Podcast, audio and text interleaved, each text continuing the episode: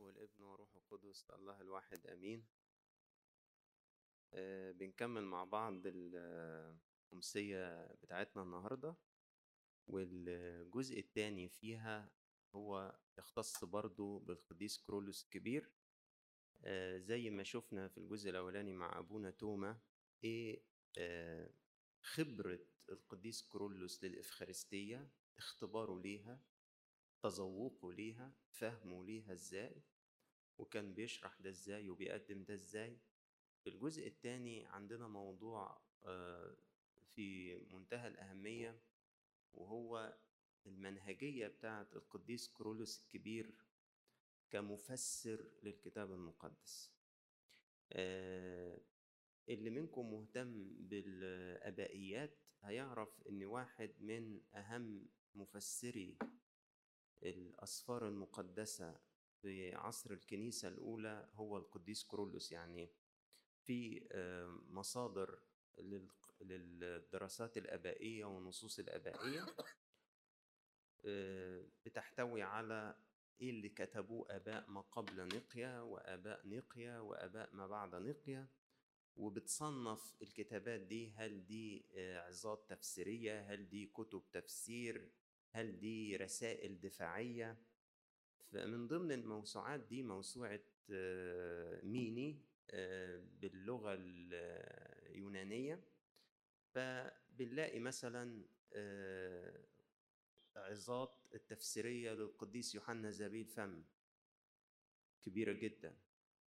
ونلاقي مثلا في موسوعات أخرى تفاسير القديس أغسطينوس كتيرة جدا. آه، تقريبا بعد دول في الكثافة بتيجي الكتابات التفسيرية للقديس كرولوس الكبير لأنه وضع تفسيرات لأسفار كتيرة جدا من العهد القديم وإنجيل يوحنا في العهد الجديد وإنجيل القديس لوقا وإن كان مش كامل اللي موجود منه مش كامل بالإضافة لأنه وسط كتاباته الدفاعية فسر نصوص كتيرة جدا من العهد الجديد. وبالتالي فعند أي حد مهتم بتفسير الكتب المقدسة عند أي حد مهتم بالآبائيات بيبرز على طول القديس كرولس الكبير كواحد من أهم الآباء اللي كتبوا باليونانية واللي كتاباتهم محفوظة وباقية لحد النهاردة. فيسهل إن أنت تفهم فكره. ليه؟ عشان نفهم فكر حد إحنا عايزين نسمعه كتير صح؟ يعني أنت النهاردة لو عايز تعرفني تقعد معايا مرة اتنين تلاتة تسمعني مرة اتنين تلاتة هتقول آه أنا عارف أبونا فلان. طريقته كذا منهجه كذا. فالكتابات الكتيرة المتوفرة للقديس كورولوس تسمح للي بيقراها ويدرسها انه يخرج باستنتاجات. هو كان بيفسر الأسفار المقدسة إزاي؟ آه، ده الموضوع بتاع المحاضرة دي. آه، مهم جدا الخلفية اللي اداها لنا أبونا توما في المحاضرة الأولى عن مين هو القديس كورولوس الكبير. ليه؟ ليه مين هو؟ عشان بعرف آه، الأجواء اللي هو نشأ فيها. تعليمه جابه منين؟ فبنلاقي إنه خاله كان البطريرك ال 23 واحد من أهم بطاركة الكنيسة. القبطية البابا ثوفيلوس آه، حارب الوثنية بقوة شديدة آه، اتربى تربية نسكية رهبانية آه، تحت إيدين الأب سرابيون تلميذ القديس مكاريوس في برية شهيد وحفظ نصوص كتير من الكتاب المقدس لدرجة إنه كان يسمع الأجزاء تتحفظ. وتاني يوم الأب الروحي بتاعه يسمعها عليه. فشبعان بالكتاب في أجواء من العبادة والنسك. وده أمر يدي قيمة لكتاباته التفسيرية. ليه؟ النهارده آه وإحنا بنبص على كتابات القديس كورولوس الكبير وإحنا النهارده في القرن الواحد وعشرين. الكتاب المقدس النهارده خرج شئنا أم أبينا خرج بره الكنيسة. راح لجامعات آه، علمانية في كل مكان في العالم وبين ايدين ريسيرشرز يعني باحثين آه، بغض النظر بقى توجهاتهم شكلها إيه هم مسيحيين أصلا ولا لأ بيمزجوا العلم بالتقوى ولا لأ وبيطلعوا مخرجات بيطلعوا شروحات. تفرق إيه الشروحات دي عن شروحات الآباء؟ تفرق في حاجات كتير من ضمنها إن شروحات الآباء تعليم بحسب التقوى. يعني إيه تعليم بحسب التقوى؟ يعني هو مش بيقول كلام وبس مش بيدرس نصوص دراسة جافة ويبتدي يكتب.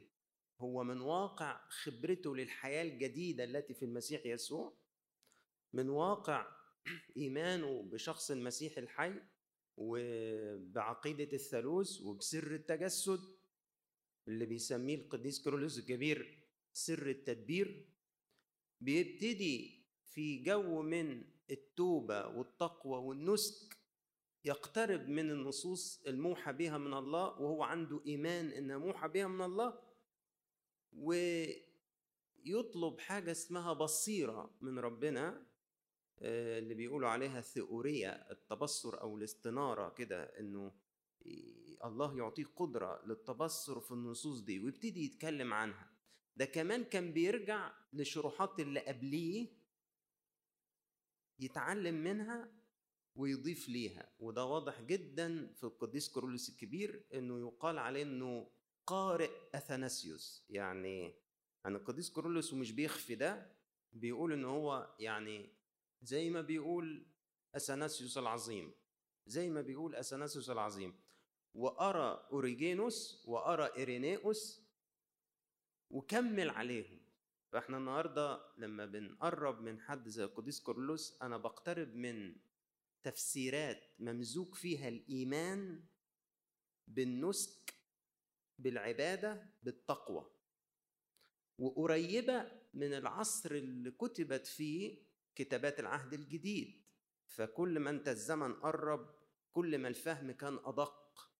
وبالتالي فده بيدي أهمية لهذه الكتابات. كمان بقترب لواحد مقبول في الكنيسة شرقا وغربا. يعني لا خلاف عليه. لو رحت النهاردة آه، تقول القديس كرولوس الكبير عند الكنيسة القبطية ده البابا ال 24 والملقب بعمود الدين ومكرم جدا. طب لو خرجت بره الكنيسة القبطية هتلاقيه أب في الكنيسة الجامعة. يعني الروم الأرثوذكس بالنسبة لهم القديس كرولوس الكبير أب. الكنيسة الكاثوليكية اللاتينية القديس كرولوس الكبير بالنسبة لهم أب. حتى الطوائف البروتستانتية في معاهدهم اللاهوتية بيدرسوا كتابات القديس كورولوس الكبير. وبالتالي ده بيزود الاتفاق العام حواليه زي الاتفاق اللي حوالين ذهبي الفم مثلا. ده بيدي قيمة كبيرة للتراث الروحي اللي سايبه هذا الأب أو هذا آه، القديس. آه، في تاريخ يعتبر مفتاح في كتابات القديس كرولوس الكبير. إيه هو؟ 428 ميلادية. التاريخ ده بيعتبر مفتاح في كتابات القديس كرولوس الكبير. ليه؟ لأنه ما التاريخ ده اللي ظهرت فيه بدعة نسطور. واللي بسببها أصبح القديس كورولوس في هذه الهالة العظيمة في العالم كله لأنه هو اللي قاد الدفاع عن طبيعة الله الكلمة المتجسد في وجه البدعة النسطورية. فقبل 428 مش هتلاقي التفسير بتاع القديس كورولوس يجيب سيرة نسطور ولا آه، يفسر النصوص الكتابية بالطريقة اللي تخدم اتحاد الطبيعتين في المسيح. في طبيعة واحدة. والفترة دي هي اللي كتب فيها كل نصوص التفسير بتاعته فهيبقى واضح فيها جدا آه، دفاعه ضد أريوس والبدعة الأريوسية ودفاعه ضد الوثنيين وضد اليهود وضد أبوليناريوس اللي كان بيقول إن الروح الإنسانية في المسيح ما كانتش موجودة وحل محلها اللوغوس. فهتلاقيه في كتاباته لأنه النصوص التفسير بتاعته جت في ما قبل 428 فهتلاقي آه، دايما بي- بيحاول يخلي التفسير بتاع النصوص يخدم على دفاعه ضد الأريوسية وضد الأبولينارية وضد آه، اليهود وضد الوثنيين. أما ما بعد 428 في الكتابات اللي كتبها فتلاقيه بيظهر بوضوح إزاي بقى وهو بيفسر بقى آيات في رسائله الدفاعية إزاي بيدافع عن وحدة شخص المسيح في مواجهة البدعة النسطورية اللي قسمته لشخصين ولأخنومين آه، ده بيفهمنا حاجة بيفهمنا حاجة. بس أأجلها سنة لما نقول هو إيه الميراث اللي سابه لينا القديس كورولوس الكبير ككتابات مبدئيا إحنا عندنا آه، كتاباته التفسيرية ودي بتشمل الجزء الأكبر من إنتاجه اللاهوتي والحمد لله إنه جزء كبير منها جدا ترجم للغة العربية. يعني حتى ورا في المكتبات بتاعة الاستعارة وبتاعة البيع هتلاقوا مثلا آه، في كتابين اسمهم الجلافيرا. جلافيرا التعليقات اللامعة آه، آه، تفسيرات لسفر التكوين أسفار موسى الخمسة التكوين الخروج واللويين والعدد والتثنية. هتلاقوا تفسيراته للأنبياء الصغار. هتلاقوا كتاب اسمه السجود والعبادة بالروح والحق بيتناول تفسيرات لشرائع كتير جدا في العهد القديم وبالذات في الأسفار اللي إحنا بنحس إن إحنا مش فاهمين منها حاجة. اللويين وال- والتثنية والعدد وخلافه. وده بيدي قيمة كبيرة لهذه الكتابات. آه، في شذرات بقى لأسفار تانية. هتلاقوا مثلا آه، دانيال وحسقيال وفي كتاباته التفسيرية في العهد الجديد موجود إنجيل القديس يوحنا.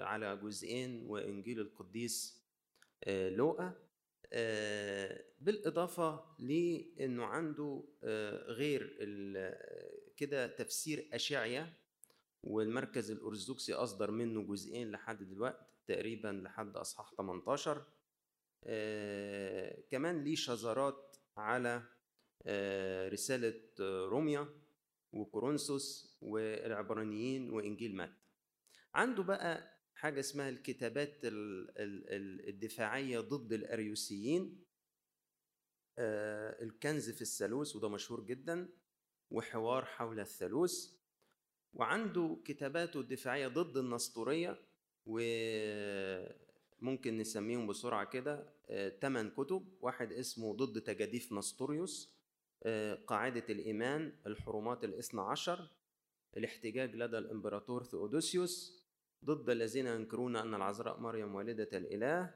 ضد ديودورس الترسوسي وسؤدورس المصيسي آه، وكتاب اسمه المسيح واحد وده أحد المصادر اللي إحنا هنستعين بيها النهاردة في آه، المحاضرة بتاعتنا.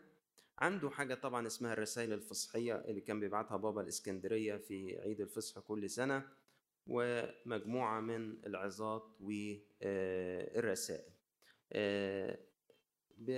عايز أستعير بس آه، حاجة كده قبل بقى ما ندخل في التفاصيل. آه، لواحد من آه، أساتذة الآبائيات اسمه استليانوس بابا دوبلوس يعني أستاذ يوناني في علم الآبائيات بيقول لنا إيه؟ إيه أهمية الآباء بالنسبة لينا؟ فبيقول ليس لأجل أن نعرف من كانوا ما هي تعليمهم لكن أن نذوق مناخهم الروحي أن نتحسس آثار الروح القدس في شخصياتهم المقدسة أن نضع إصبعنا على صراعهم من أجل الحق أن نحيا شيئا من خبراتهم الإلهية من رؤياهم من أفراحهم من أحزانهم من اختطافهم من العالم إلى السماء. نتتبع إيمانهم وثقتهم العميقة في الروح القدس. يعني إحنا عايزين نقرب لحاجة حية حية جدا. عايزين ندوق ندوق الخبرة الإلهية اللي في حياتهم. نحط إيدينا كده وصابعنا على صراعهم من أجل الحق. آه، ندوق من أفراحهم ومن أحزانهم ومن اختطافهم من هذا العالم إلى السماء. فالحقيقة آه، اللي هنشوفه دلوقتي مع القديس كورولوس هيخلينا نعيش حاجة زي كده. أنا عشان برضو اللي بيتابعني سواء هنا أو على النت لما بتلاقي محاضرة اسمها الإفخارستية بحسب تعليم القديس كورولوس أو تفسير الكتاب المقدس بحسب تفسير القديس كورولوس لازم المحاضر يعرض نصوص كتير لهذا القديس. هو اللي تبقى إزاي المحاضرة عن آه، لأن أحد الأحباء في البريك بيقول لي طب ما كنا قرينا النصوص دي من الكتاب وخلاص. لما تيجي تعرض فكر القديس مش تعرضه من أقواله ولا تقول أنت ببقك؟ لازم أقول من أقواله هو وعلق عليه. فعشان كده أبونا استعان بأقوال كتير وعشان كده أنا جايب معايا تقريبا 8 كتب للقديس كورولوس آه، حاطط علامات في كل كتاب عشان لما آجي أرجع للتفسير أقوله زي ما هو قايله. أنا مش مهمتي هنا أنا اللي أفسر الآية أنا مهمتي أشاور هو فسرها إزاي. فلازم أقرأ تفسيره هو هو زي ما قال تمام؟ في زي ما في مفتاح زمني لفهم آه كتابات القديس كورولوس اللي هو التاريخ قلنا عليه سنة كام؟ آه قبل مجمع أفسس بكام؟ ثلاث سنين. كان مجمع افسس 431 ميلادي. في آه مفاتيح لفهم منهجيته في تفسير الآيات. هقول عناوينها بس هي أصلا المفروض تستنتج لما أنت تسمع التفاسير يعني اللي هيتقال دلوقتي نتاج إن الناس اتغمست الباحثين دول أو العلماء اتغمسوا قعدوا يقروا يقروا يقروا يقروا للقديس كورولوس فقدروا يخرجوا بالاستنتاجات اللي انت تسمعها دلوقتي. فالواقع يقول إن إحنا المفروض نسمع الأول وبعدين إيه نستنتج إنه طريقته كذا فكره كذا. بس طبعا لأن ده مش متاح في فترة زمنية بسيطة زي المحاضرة فإحنا هندي المفاتيح دي وهنثبتها. فعلا أدي ودي طريقته. بصوا اسمعوا مثلا النص ده بيفسره إزاي الجزء ده بيفسره إزاي وهكذا. فعنده شخص المسيح مفتاح كبير جدا وأساسي جدا. وبيعتبر إنه المسيح موجود ورا كل كلمة من كلمات الكتاب المقدس. يعني في حب في شغف في إدراك عميق جدا لمحورية شخص المسيح بالنسبة لنا وبالنسبة لخلاصنا. فهو عنده توجه يتقال عليه كده إيه توجه خريستولوجي في تفسير الكتاب المقدس. يعني إيه يروح ناحية أي نص أنت تشوف النص مش جايب سيرة المسيح في حاجة تقرأ كلماته هو تلاقيه قاعد يحكي عن المسيح. أنت جبت الكلام ده منين؟ هو بالنسبة له مفيش كلمة في الكتاب المسيح مش موجود وراها. لأنه هو القصد من الكتاب. في حاجة مشهورة عنه طبعا هو واخدها عن القديس إثناسيوس اسمها تفسير الكتاب المقدس طبقا للقصد النهائي أو العام. يتقال عليه إسكوتية أو إسكوتوس يعني حسب القصد. إيه اللي مقصود؟ سيبك من الكلام الظاهر. إيه, إيه القصد النهائي للكلام؟ الكتاب المقدس ده كله بيخدم إيه؟ فلو إحنا رجعنا وشفنا المشهد بتاع تلميذي عمواس وإزاي المسيح ابتدى يفسر لتلميذي عمواس الأمور المختصة به إيه؟ في جميع الكتب من موسى والأنبياء. آه هو ده اللي قال عنه القديس أثناسيوس واللي خد عنه القديس كورلوس القصد. يعني لما تيجي تقرأ موسى والأنبياء ما تقراهوش كده بس إن هو كلام في العهد القديم لا ده اتضح من العهد الجديد ومن الطريقة اللي اتعامل بها المسيح مع النصوص اللي موجودة في العهد القديم إنها كانت تخدم إيه؟ قصد وغاية. فبقي لما يجي يتعامل مع أي نص عينه على القصد والغاية اللي من وراء الكلام. فما يتوقفش كتير عند الشرح التاريخي آه والحروف و... و... آه يقولها بس يعبر منها على طول على الحقيقة التي وراء الكلام. وده آه، بيتقال عنه الرمزية الاستعارية آه، ليه مصطلح كده بالانجلش اسمه اليجوري آه، دي الطريقة بتاعت مدرسة اسكندرية في التفسير إنه يقول لك الشرح التاريخي بسرعة كده ويروح داخل على طول على تأملات وتربيطات أنت ممكن تبص تحس إن هي يعني فين الكلام ده يا جماعة؟ ده مش مش مكتوب صراحة. آه هو هو نفذ ل... ل... ل... لبعد آخر ورا الحروف والكلمات. تخدم فهمه للقصد النهائي من الكتاب المقدس. آه، ده مختلف عن مدرسة أخرى في تفسير الكتاب متأخرة عن مدرسة اسكندرية شوية هي مدرسة أنطاكيا. آه، لقيوا إنه بس دي يعني مداخلة مش وقتها دلوقتي يعني دايما المبالغة في أي اتجاه تنتج تطرف. فالاتجاه بتاع الرمزية بتاع مدرسة اسكندرية ده نشأ مع القديس إكليماندوس السكندري وبلغ الأوج درجاته مع العلامة أوريجينوس بشكل فيه مبالغة يعني. العلامة أوريجينوس لما تقرأ تفسير يجي لك شعورين.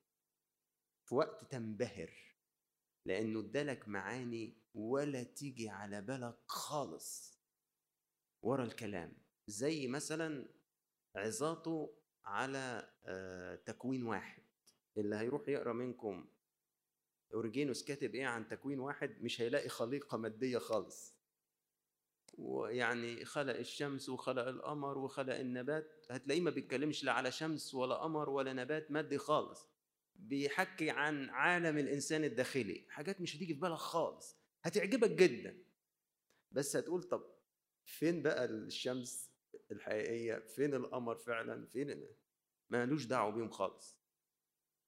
فيجي في وقت تاني تتغاظ منه لأنه تحسه فين يا عم الكلام المكتوب؟ فسر المكتوب. فينتابك هذين الشعورين. فقصاد المغالاة بتاعة العلامة أوريجينوس في التفسير الرمزي نشأ اتجاه مضاد بعنف في أنطاكيا.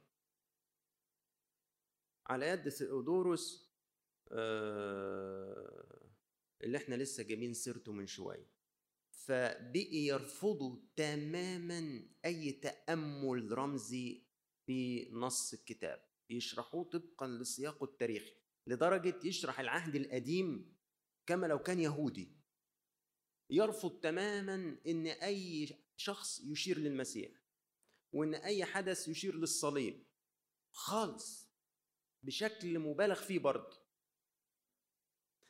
فدول يمثلوا التطرفين بتوع المدرستين.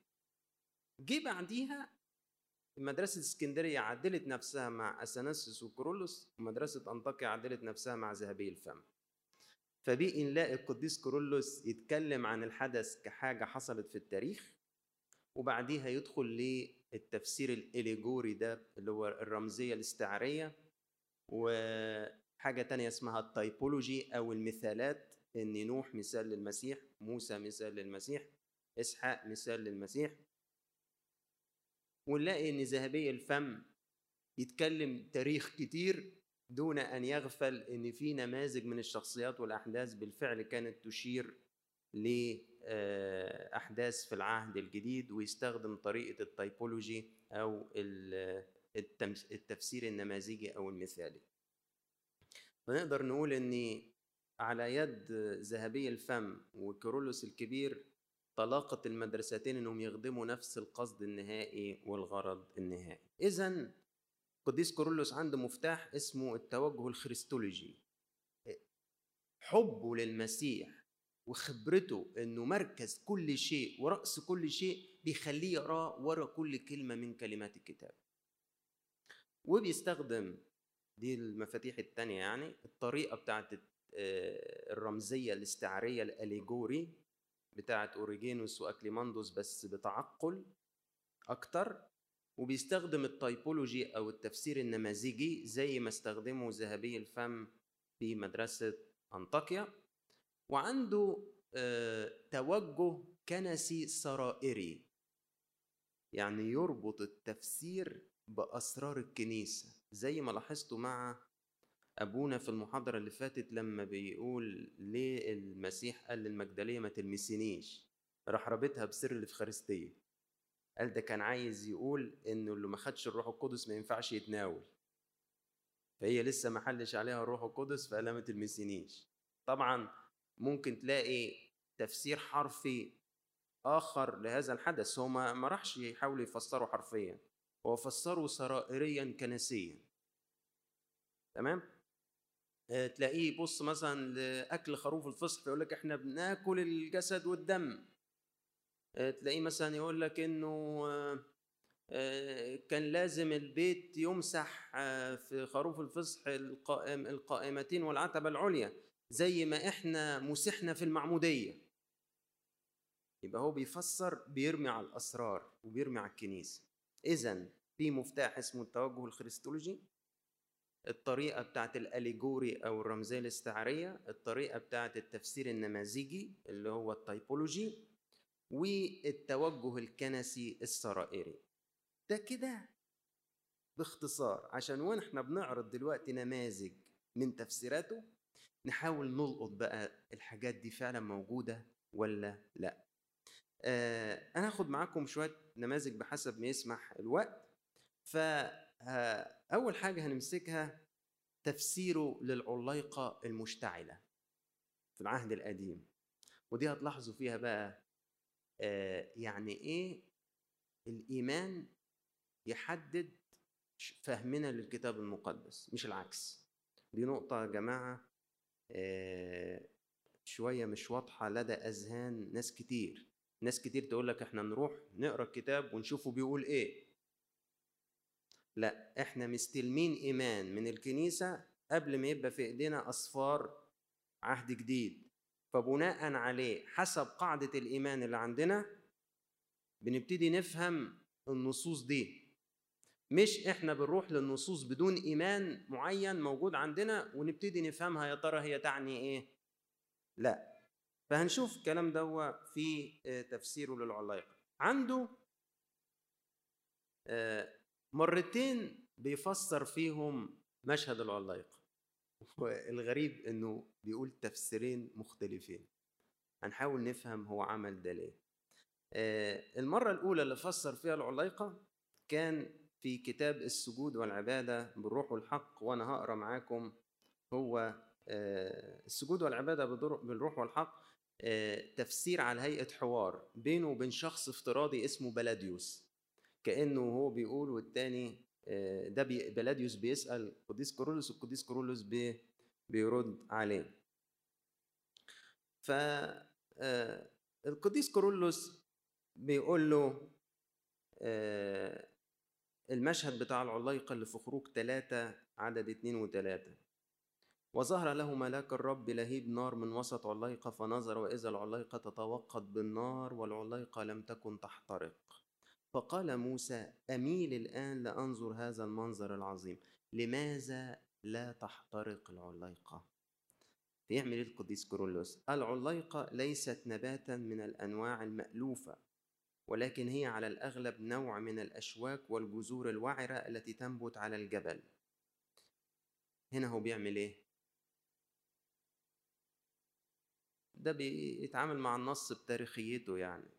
بيشرحوا في الأول كده شرح عابر يفهمنا إن ده نبات حيث تمت المعجزة الرهيبة والتي تشير كمثال حقا إلى السر.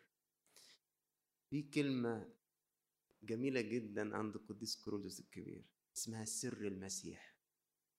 جميلة جدا هتلاقوها متكررة قد شعر راسكم في كتبه بتاعت التفسير. يتكلم كده يقول لك ثم نأتي إلى سر المسيح. يعني بصوا أنا قلت لكم بسرعة الحاجة معناها إيه في الأول؟ هنحط العدسة. إيه العدسة دي؟ سر المسيح.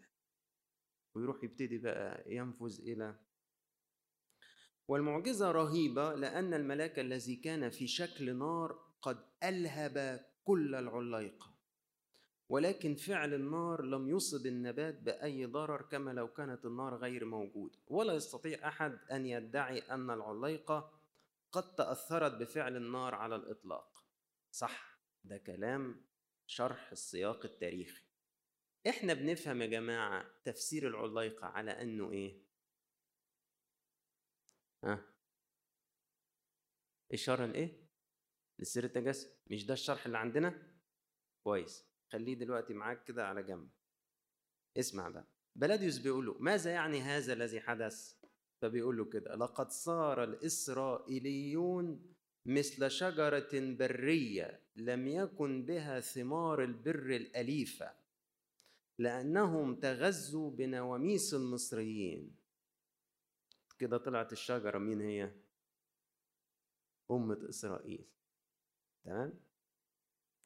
فالناموس الذي كان من المنتظر أن يعطى لهم بواسطة الملائكة كان يمكن بالتأكيد أن يضيء لهم لو تم التعامل معه روحيا وأن يطرد ظلمة العقل لأن هذا هو أيضا فعل النار. ولكن على عكس ذلك كان عديم النفع لأولئك الذين قبلوه.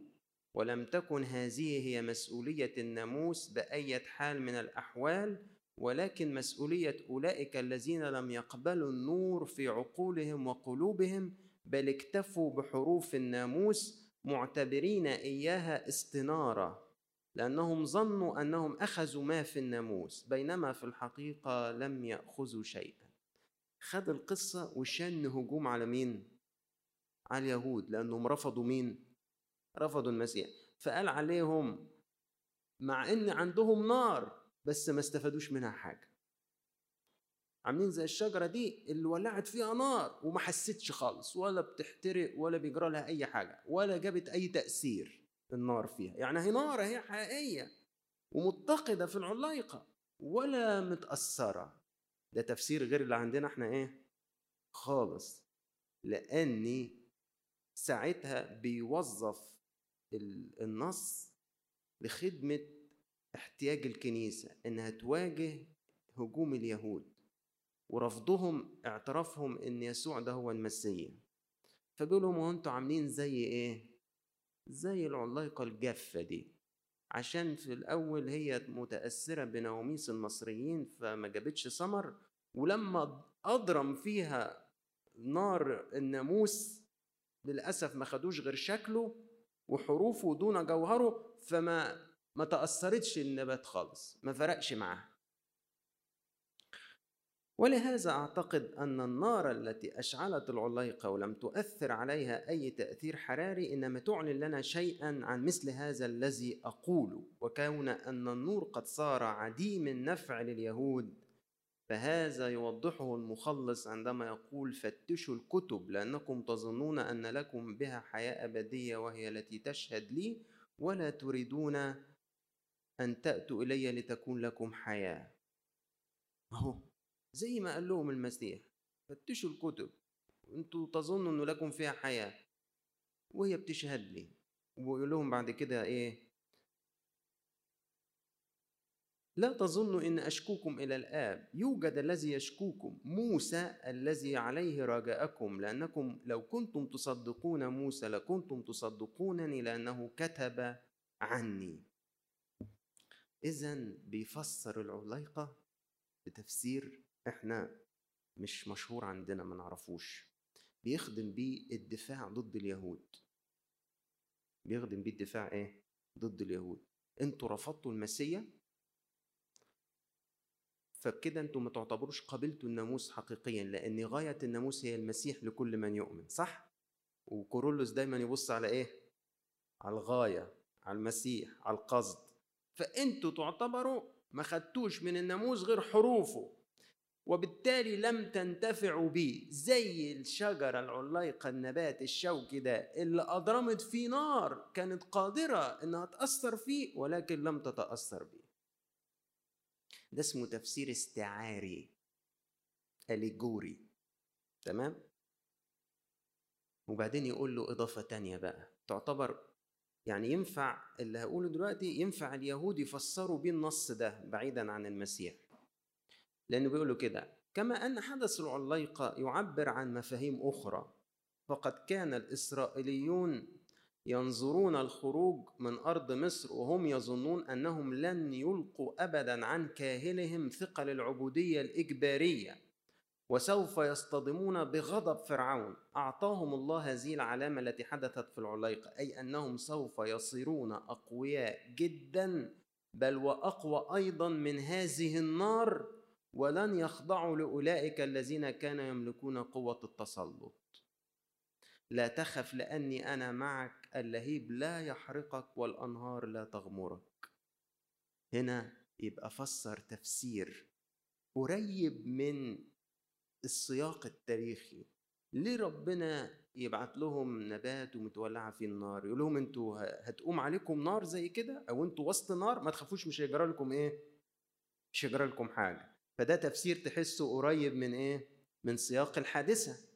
في رجاء وفي تعزية إنه مهما عمل فرعون مهما كان قساوة اللي هو يعمله مش هيجرى لكم حاجة زي ما العلايقه دي النار مش عاملة لها حاجة. من شوية التفسير يخدم بيه الدفاع ضد اليهود. طيب يا ترى لما جه يتعامل مع النص ده تاني بعد ظهور بدعة نسطور فسره إزاي؟ تعالوا نشوف بقى. اللي هنقراه دلوقتي هنقراه من كتاب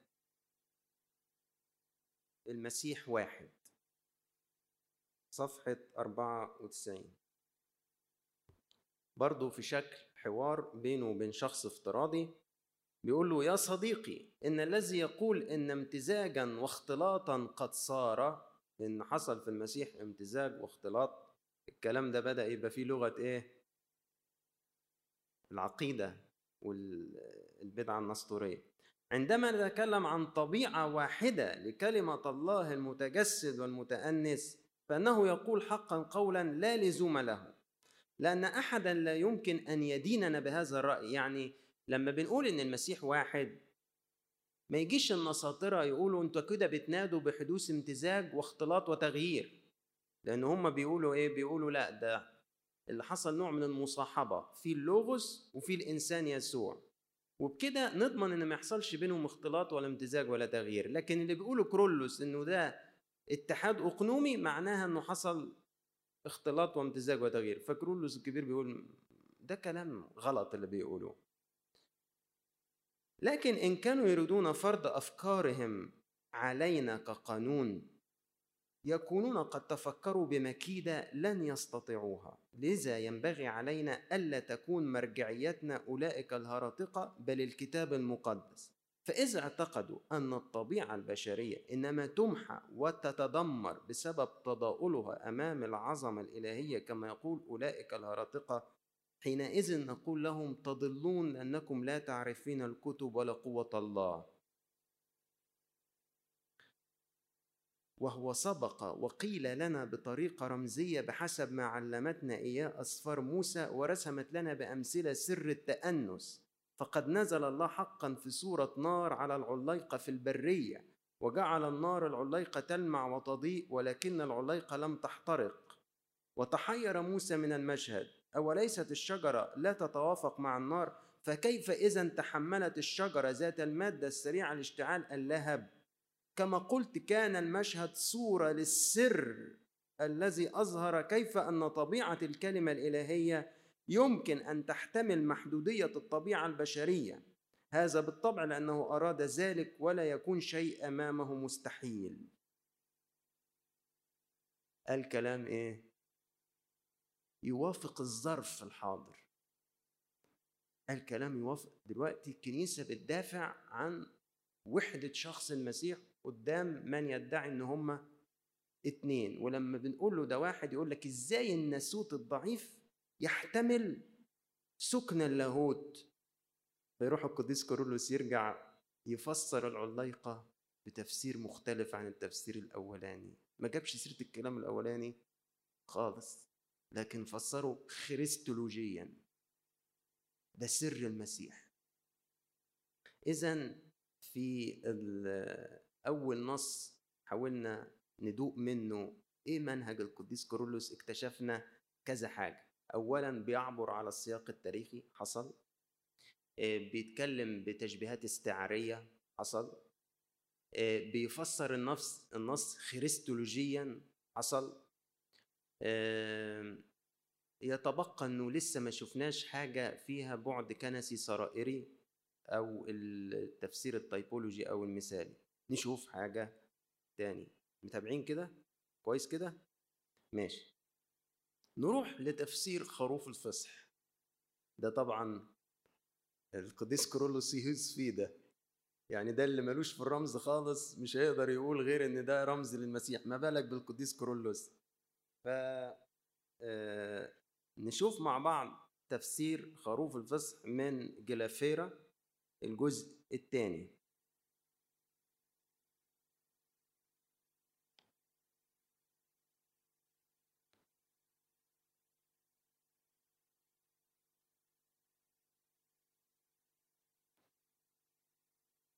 بصوا كده بيقول إيه في المقدمة كده لازم هو يفرش الموضوع كده ب... بيقول يستطيع المرء أن يعرف بطرق كثيرة أننا ننجو من قوة الموت بواسطة المسيح وحده. وهذا ما يؤكده التلميذ الحكيم بقوله ليس بأحد غيره الخلاص كما أن هناك آلافا من الصور المتألقة في الكتاب المقدس تقدم لنا هذا السر بكل وضوح. بيقول هنا موجود إيه؟ آلاف من الصور المتألقة في الكتاب المقدس تقدم لنا السر ده بكل وضوح. هو فعلا كان بيشوف في كل مشهد. أنا عايز أقول لكم كل شرائع العهد القديم بتاعت موسى دي في كتاب السجود والعبادة بالروح والحق بيفسرها تفسير خريستولوجي. يعني لو أنت متضايق من سفر اللاويين ومش عارف تفهم فيه حاجة شوف القديس كورولوس هتلاقي المسيح حاضر في كل آية من آيات السفر. فتخيل بقى هو هنا بيجيب آه، الحدث بتاع آه، سفر الخروج. ومن بيقول لك كده يقول فرعون المغتاظ وهو مليء بالغباء الشيطاني أنه لا يعرف من هو إله العبرانيين. لما موسى قال له إلهنا التقانا وقال لنا تعيدوا لي في البرية فراح قال له من هو الرب؟ لا أسمع له. لا أعرف الرب ولا أطلق الشعب. فرعون كده وهو يعني متعنطس. فهو بيقول إيه؟ فرعون المغتاظ وهو مليء بالغباء الشيطاني إنه لا يعرف من هو إله العبرانيين. لكن عندما بدأت الضربات على مصر بجروح مستمرة ومخيفة وأصابها التدمير تدريجيا مر بتحول المياه إلى دم ومر بغمر الأرض بالجراد والبرد وبظهور البعوض والضفادع وبحلول الظلام ثلاثة أيام. كانت النتيجة أن أعطى فرعون وعدا مباشرا ضد إرادته بترك العبرانيين أحرار. وبرغم ذلك فإن قلب فرعون تقسى وأصبح أكثر صلابة وتجبر ورهبة ورفض تحرير الإسرائيليين من العبودية الطويلة. ده اسمه إيه؟ سياق تاريخي. يعني الحدث حقيقي؟ أيوه. يعني أنت مؤمن إن الحدث ده حصل في التاريخ؟ طبعا. فبيشرحوا كده زي ما حصل في التاريخ. ثم بعد ذلك أراد الله أن يرسل الملاك المهلك إلى أبكار المصريين ولكن لا ينبغي أن يهلك المختارون مع الغرباء الدنيسين. فإن الله وضع شريعة الفصح محبة للآباء وأمر بأن يحتفل بالفصح. ركز بقى الذي يشير إلى سر المسيح. العبارة اللي بقول لكم تتكرر قد شعر راسك. قبل إعلان غضبه على أبكار المصريين ومن هذا الأمر نستطيع أن نفهم أنه كان من المستحيل أن يبطل الموت بواسطة موسى والناموس بل أن دم المسيح الكريم وحده هو الذي يبعد المهلك ويحرر المقدسين من هلاك الموت. لأن المسيح هو الحياة من الحياة وهو إله الكل وأنه إله من إله. كل الكلام ده ضد أريوس. لأنه هو الحياة من الحياة هو إله الكل إذ هو إله من إله. كل ده ضد البدعة الأريوسية.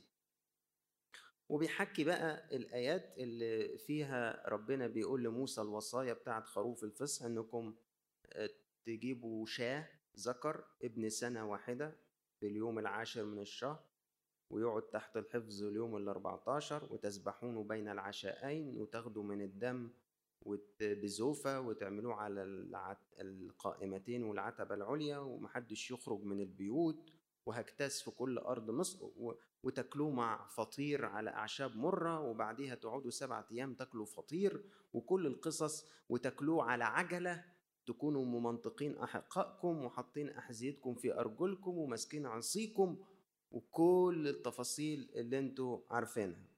فراح حكاها زي ما أنا قلتها كده وراح قال إيه؟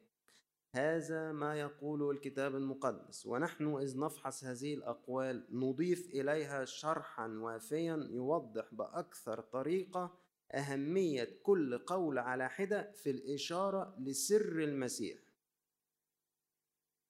فمثلا يقول كده لقد تحدد وقت عمل التقديس في أثناء الشهر الأول من بداية العام. يعني قال لهم هذا الشهر يكون لكم رأس الشهور هتبتدي تقويم جديد. بحيث إن الشهر اللي كان سبتمبر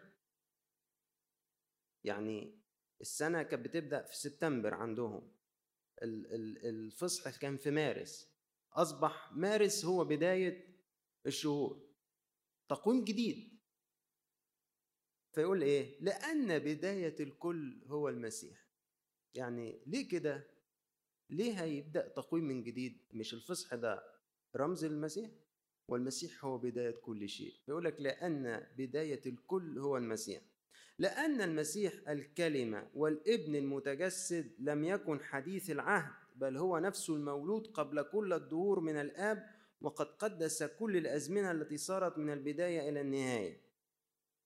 وحدد الاحتفال في بداية العام الجديد وهذا يشير إلى أنه بالمسيح الأشياء العتيقة قد مضت وذا الكل قد صار جديدا. طيب وقصة إنه ياخدوه في اليوم العاشر ويبقى محفوظ تحتيهم لليوم آه، تحت إيديهم لليوم ال ال 14 يقول لك إيه؟ فهذا يدل رمزيا على أن زماننا هذا قد أتى بعد أن كانت مرت قبلنا أزمنة كثيرة وأجيال طويلة. يعني ليه مش في اليوم الأول؟ لأنه في أزمنة قبلينا كان الله حاضر فيها بس ما كانش السر واضح. ف...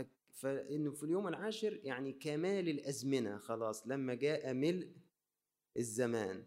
وقبليها كان في أزمنة أخرى كان الله حاضر فيها بس ما كانش المسيح تجسد. لما جاء ملء الزمان ورقم عشرة دايما يدير على الكمال فيبقى هو ده اليوم اللي تختاروا فيه الخروف.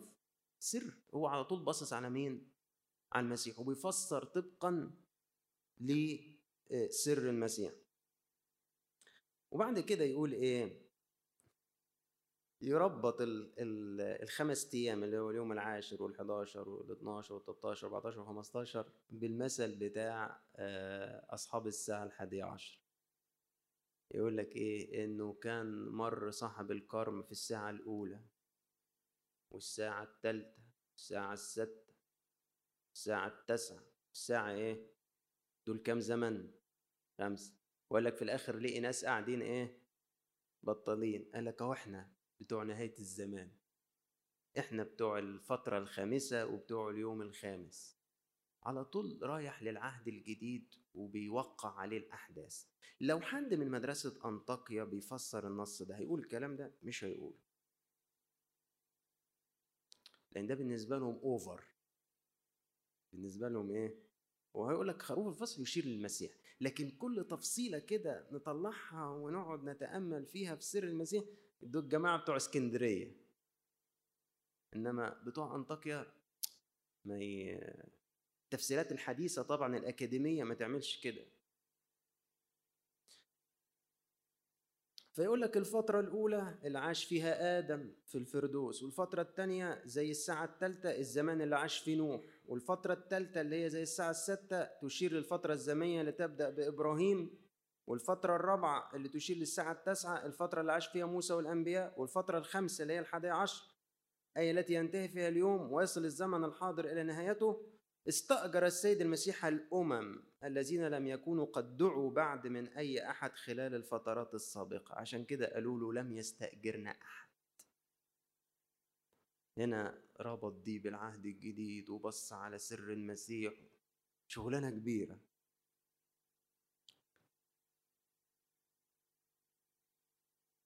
تعالوا ندوق حاجة تانية كده.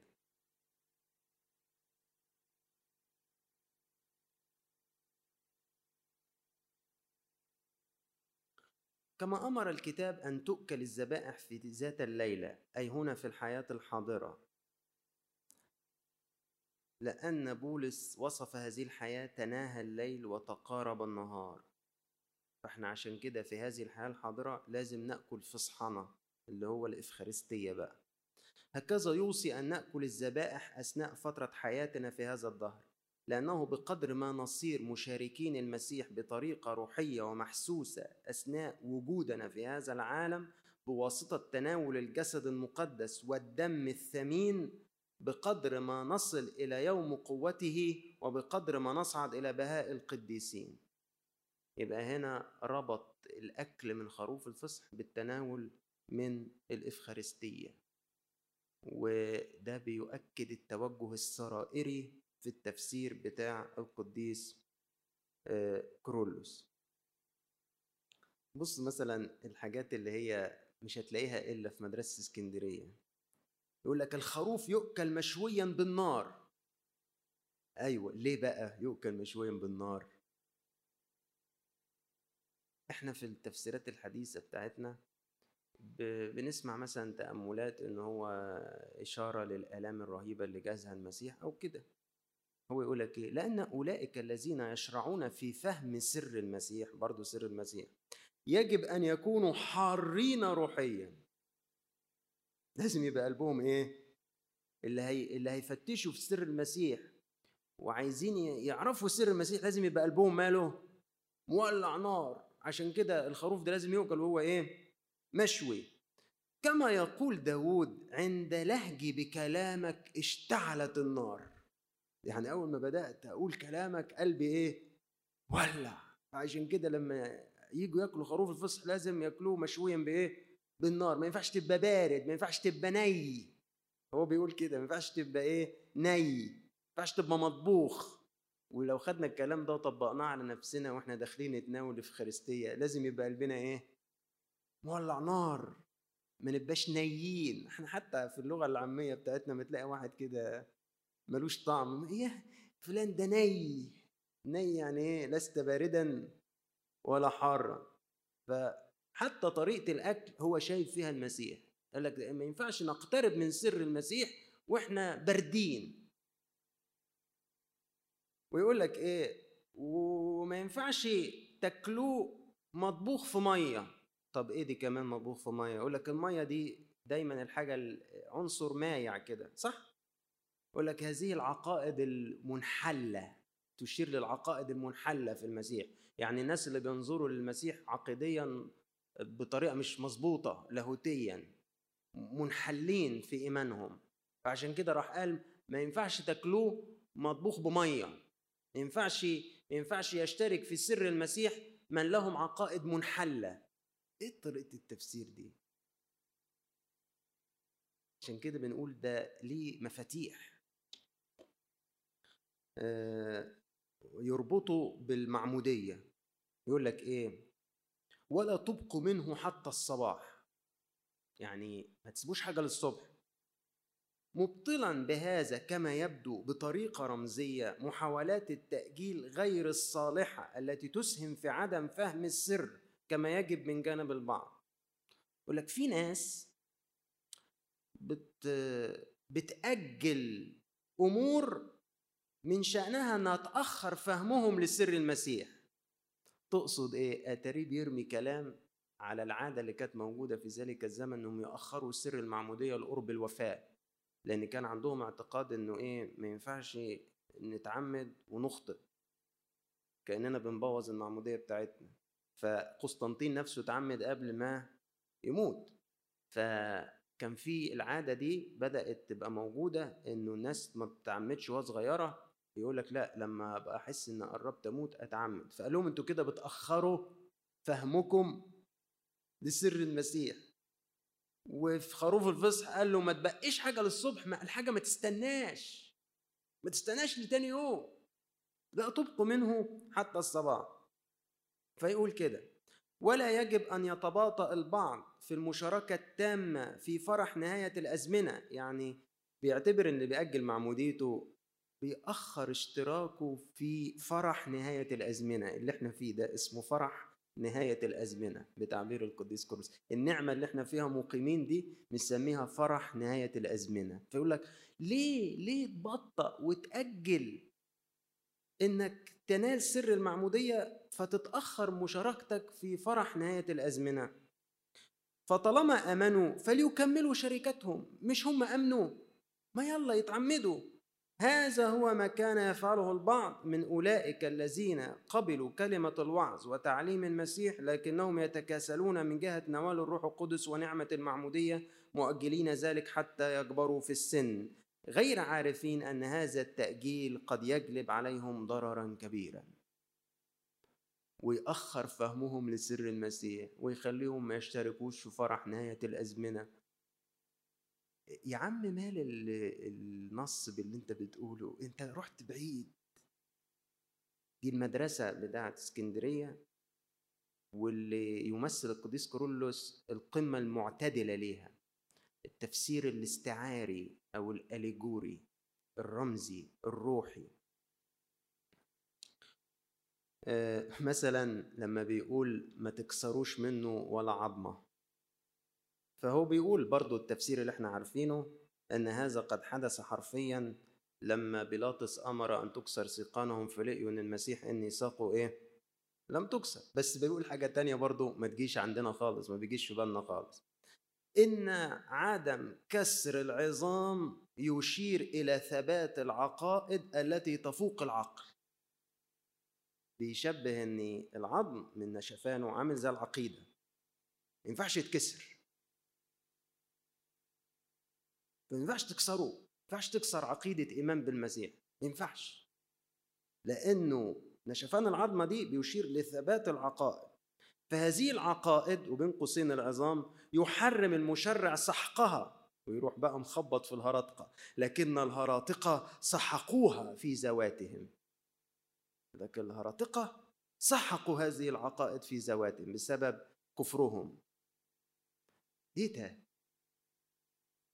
توجه خريستولوجي و typology خروف الفصح رمز المسيح ورمز الإفخارستية تفسير رمزي تفسير سرائري كنسي كله ده فعلا موجود في شرحه لخروف الفصح. أما بقى لو جيت تبص بصة كده على مدرسة أنطاكيا تشوف مثلا لو حاجة زي كده هيقولوا إيه؟ تلاقي آه، القديس يوحنا ذهبي الفم يقول لك قد أكلوا الفصح وهم متمنطقون ولماذا أكلوا بهذه الطريقة؟ أتريد أن تعرف التفسير التاريخي أم التفسير الرمزي للأحداث؟ عايز تعرف أنهي فيهم؟ طبعا لو قبل يوحنا ذهبي الفم مفيش سيرة الرمز ده خالص عند أنطاكيا. ممنوع منعا باتا ده هو يمثل التصالح عنده سأقول الأمرين. قد أكلوا الفصح وهم خارجين من مصر لاحظ مظهرهم الخارجي نموذج للسير في الطريق يلبسوا أحذيتهم يمسكوا عصيهم في أيديهم يأكلون بعجلة هل ترغبون أن تسمعوا أولا التفسير التاريخي أم التفسير الرمزي؟ الأفضل أن نقدم التفسير التاريخي لاحظتوا الفرق في النغمة؟ زابيل فم يقول إيه؟ الأفضل أن نقدم التفسير يعني هيقول الرمزي بس بيقول لهم إيه الأفضل نقدم التفسير التاريخي. وبيقول إنه المشهد ده لأن ربنا عارف قساوة اليهود وإنه هينسوا بعد شوية في أجيالهم فخلاهم كل ما يجوا يحتفلوا بالفصح لازم يعملوا الفيلم ده يعني. يلبسوا أحذيتهم في أرجلهم ويمنطقوا أحقائهم ويمسكوا عصيهم عشان يفكرهم ربنا بطريقة تمثيلية مؤثرة بالماضي. عشان قلبهم ما يقساش مع الأيام. ده التفسير التاريخي طب والرمزي هتقول لنا إيه يا ذهبي الفم؟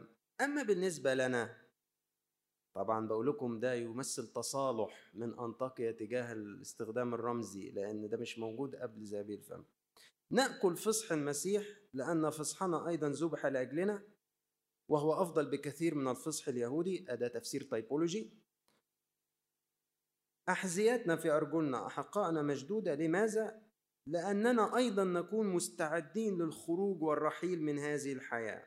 ولا يجب على أحد الذين يأكلون هذا الفصح أن ينظر إلى مصر بل يتطلع نحو السماء نحو أورشليم السمائية فلنأكل ونحمو منطقين أحقاءنا وأحذيتنا في أرجلنا لكي نكون مهيئين للرحيل وللمسير.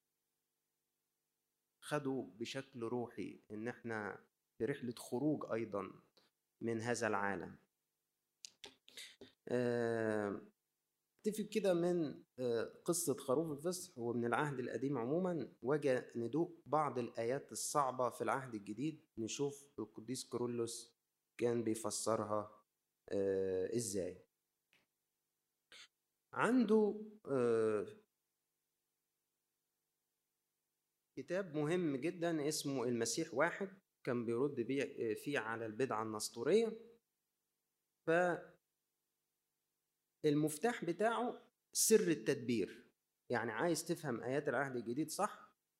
افهم إنه في مفتاح ليها اسمه سر التدبير إن الكلمة صار جسدا. فلما تلاقي آية بتنسب للمسيح شوف دي قيلت عنه قبل تجسده ولا بعد تجسده؟ اللي لقيتها بعد تجسده ما تستغربش لما تلاقي منسوب لها أي ضعف. ضعف اللي هو إيه؟ آه، الطبيعة البشرية بتاعتنا جاع عطش آه، تعب الكلام ده. ما تستغربش. آه، في حاجة مش عارفها. لكن لو الكلام كان منسوب للمسيح قبل تجسده وذكرت الأمور دي يبقى تعالى قول لي. لكن لو هي منسوبة ليه بسبب تجسده ما تستغربش وتقول إنه أقل من إله أو إنه شخصين أو الكلام ده كله. لكن لو مذكور عنه شيء قبل تجسده مش هتلاقي فيه النغمة دي. ده اسمه المفتاح بتاعه لتفسير الآيات الصعبة في العهد الجديد. اسمه سر التدبير سر التجسد. فتعالوا مثلا نشوف تفسيره للآية بتاعت إلهي إلهي لماذا تركتني.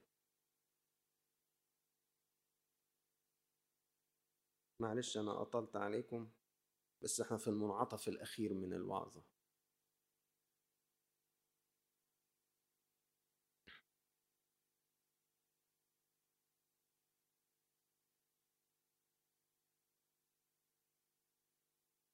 أنا أعرف أن هذه الأقوال لا تتناسب مع الكلمة الذي ولد من الله الآب إذا أبعدناه عن طريق التدبير الإلهي ورفضنا أنه صار إنسانا وفق الكتب المقدسة. كان بيتكلم على إزاي في أيام جسده قدم صراخ وطلبات بدموع وتضرعات للقادر أن يخلصه من الموت وسمع له من أجل تقواه. وإلهي إلهي لماذا تركتني؟ بيقول أنا عارف إن الأقوال دي ما تتناسبش مع الكلمة الذي ولد من الله الآب إذا أبعدناه عن طريق التدبير الإلهي اللي هو سر التجسد وإذا رفضنا أنه صار إنسانا وفق الكتب المقدسة. طب ما لو إحنا مؤمنين بهذا هيبقى ما عندناش أي إشكالية. طب أنت هتقول إيه بقى؟ بيقول كده إنه القديس بطرس بيقول عن إن المسيح تألم لأجلنا تاركا لنا مثالا لكي نتبع إيه؟ خطواته. إذا لم يصر كلمة الله نموذجا لنا عندما لم يكن بلا جسد وغير مشارك لمقاييس الإخلاء. قبل التجسد ما تقالش إن المسيح أو الكلمة نموذج لينا نتبع خطواته. اتقال عنه إمتى؟ بعد تجسده في ألامه وموته. ولكن أثناء فترة تجسده بدون لوم سمح له أن يستخدم المقاييس البشرية. وتوسل وبكى وأعطى انطباعا بأنه في احتياج للمعونة وتعلم الطاعة وبالرغم من أنه كان الإبن تعجب واندهش بولس حامل الروح من سر التدبير إذ بينما كان الكلمة بحسب الطبيعة ابنا ومكرما بامتيازات اللاهوت أخلى ذاته ولبس الفقر الإنساني. هذا النموذج لأجلنا حسن ومفيد. لأنه يمكن للمرء أن يتعلم وبسهولة جدا. أنت تتحدث حسنا لكن يقول إلهي إلهي لماذا تركتني؟ ما الذي يمكن لهؤلاء الهراطقه أن يفهمون هذه الآية؟ الجماعه بتوع نسطور قالوا شفتوا؟ أدي اللوغوس اللي كان مصاحب ليسوع الإنسان فرقه. فيسوع الإنسان بيصرخ ويقول إيه؟ إلهي إلهي إيه؟ لماذا تركتني؟ أدي اللي فهموه الهراطقة من إلهي إلهي لماذا تركتني أما بقى هو يقول إيه؟ لأننا صرنا ملعونين بسبب مخالفة آدم وسقطنا في مصيدة الموت متروكين من قبل الله. ولكن الكل بالمسيح صار جديدا وعاد ثانية كل ما يخصنا كما كان في بداية الخليقة. كان ينبغي لآدم الثاني الذي أتى من السماء وكان أسمى وفوق الخطيئة وهو الجذر الثاني لجنسنا كلي القداسة وغير الدنس أن يخلص ويحرر الطبيعة البشرية من الدينونة وصار لها أن تستدعي ثانية نعمة الصلاح من السماء من الآب فوقها وتبطل هجران النعمة لها بواسطة طاعة يسوع المسيح التي حدثت مرة واحدة وإلى الأبد لأنه لم يفعل خطيئة. أيضا الطبيعة البشرية وهي متحدة به صارت بلا لوم وبريئة لذلك استطاعت أن تصرخ بجرأة إلهي إلهي لماذا تركتني؟ يعني إيه؟ بيقول إنه الطبيعة البشرية هجرت من قبل الله بسبب العصيان. ولكن لما جه آدم الثاني وأصبح جدر جديد لجنسنا وكان بلا خطيئة وبسبب إنه الطبيعة البشرية بتاعتنا متحدة بيه فأصبحت بريئة وبلا لوم فأصبح من حقها تستعطف السماء ثانية وتبطل هذا الهجران. كأنها بتقول له لم يعد الآن هناك مبررا لهذا الهجران. إلهي إلهي لماذا تركتني؟ يعني خلاص ما عادش الطبيعة البشرية هتكون مهجورة تاني من قبل الله.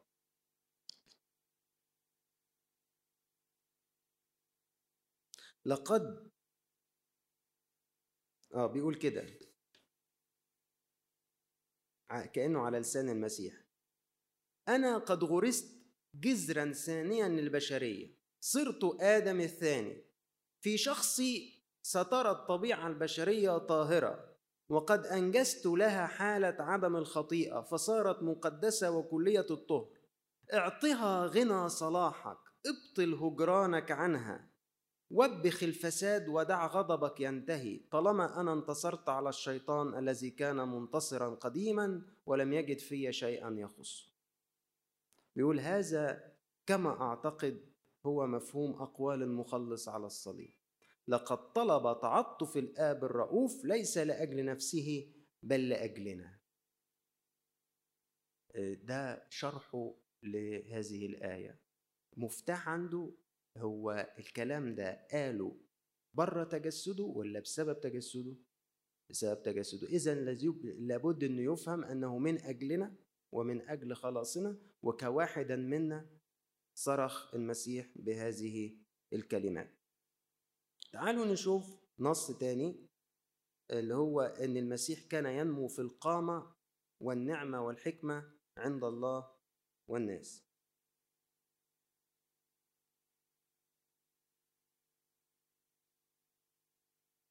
إن الإنجيل الحكيم يقدم لنا الكلمة بأنه صار جسدا ويبين لنا أنه بحسب التدبير سمح برضو بحسب إيه؟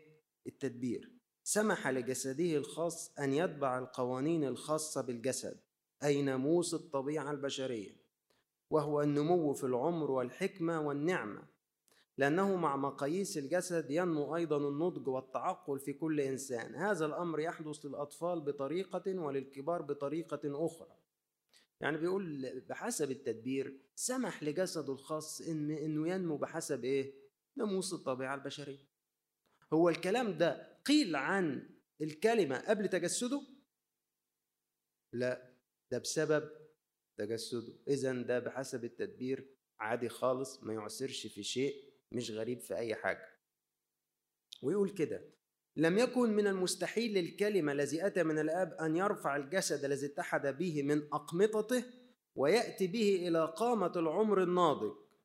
يعني ما كانش مستحيل عليه أنه وهو بيبي طفل في الأقمطة يقتني النضج الكامل. مش مستحيل عليه. لكن الأمر عندئذ يبدو وكأنه أمام مخلوق ممسوخ خارق. هذا لا يناسب أهداف التدبير التجسد. قال دي هتبقى مسخة كده. يعني إيه طفل بيبي خارق كده؟ دي حاجة لا تناسب أهداف التدبير الإلهي. وبيقول تعبير جميل أول مرة آخد بالي منه.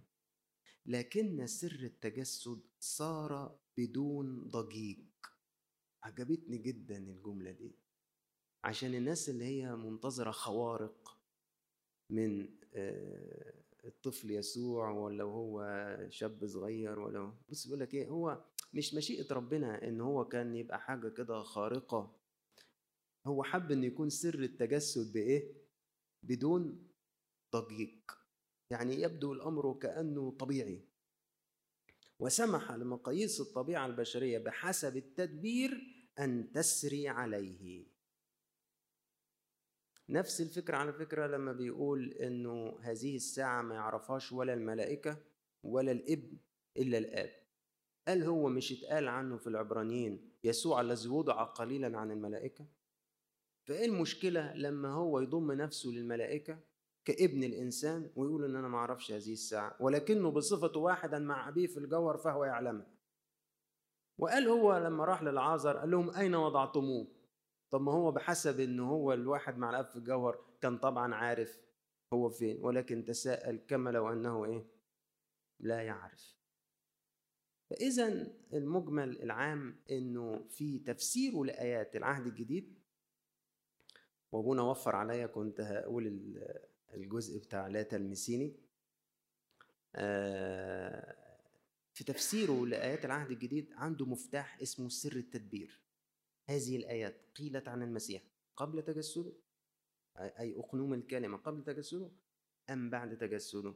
وإذا كانت بعد تجسده فمقبول جدا بل ويجب أن ينسب إليه كل ما هو للطبيعة البشرية فيما خلا آه، آه، الخطيئة. آه، ده كده يعني جولة سريعة في نصوص مختلفة من العهد القديم والعهد الجديد. للقديس كورولوس حاولنا نقرب من شخصيته الروحية و... ولمسنا شغفه الرهيب وإن المسيح بالنسبة له محور الإيمان كله وسر التجسد هو محور العقائد كلها. وشفنا قد إيه إنه كان بيرى المسيح في كل كلمة وكل نص من نصوص الكتاب وما ننساش إنه ده ما جاش ببلاش.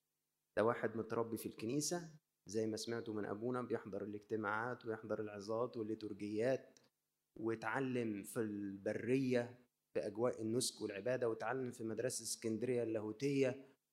وهضم التقليد الكنسي اللي قبله ممثلا في القديس أثناسيوس والقديس ايرينيوس والعلامة أوريجينوس. فبقي هذا العمود المنير في الكنيسة. أرجو إن تكون المحاضرة دي تسهل لينا إن إحنا نقرأ بنفسنا آه، تفاسير القديس كرولوس وهي متاحة. نشكر ربنا باللغة العربي وموجودة آه، وكل يوم بيتنشر حاجات أكتر. وربنا يدينا إن إحنا آه، ندوق المسيح زيه. كل نص من نصوص الكتاب ولإلهنا كل مجد وكرامة إلى الأبد. آمين.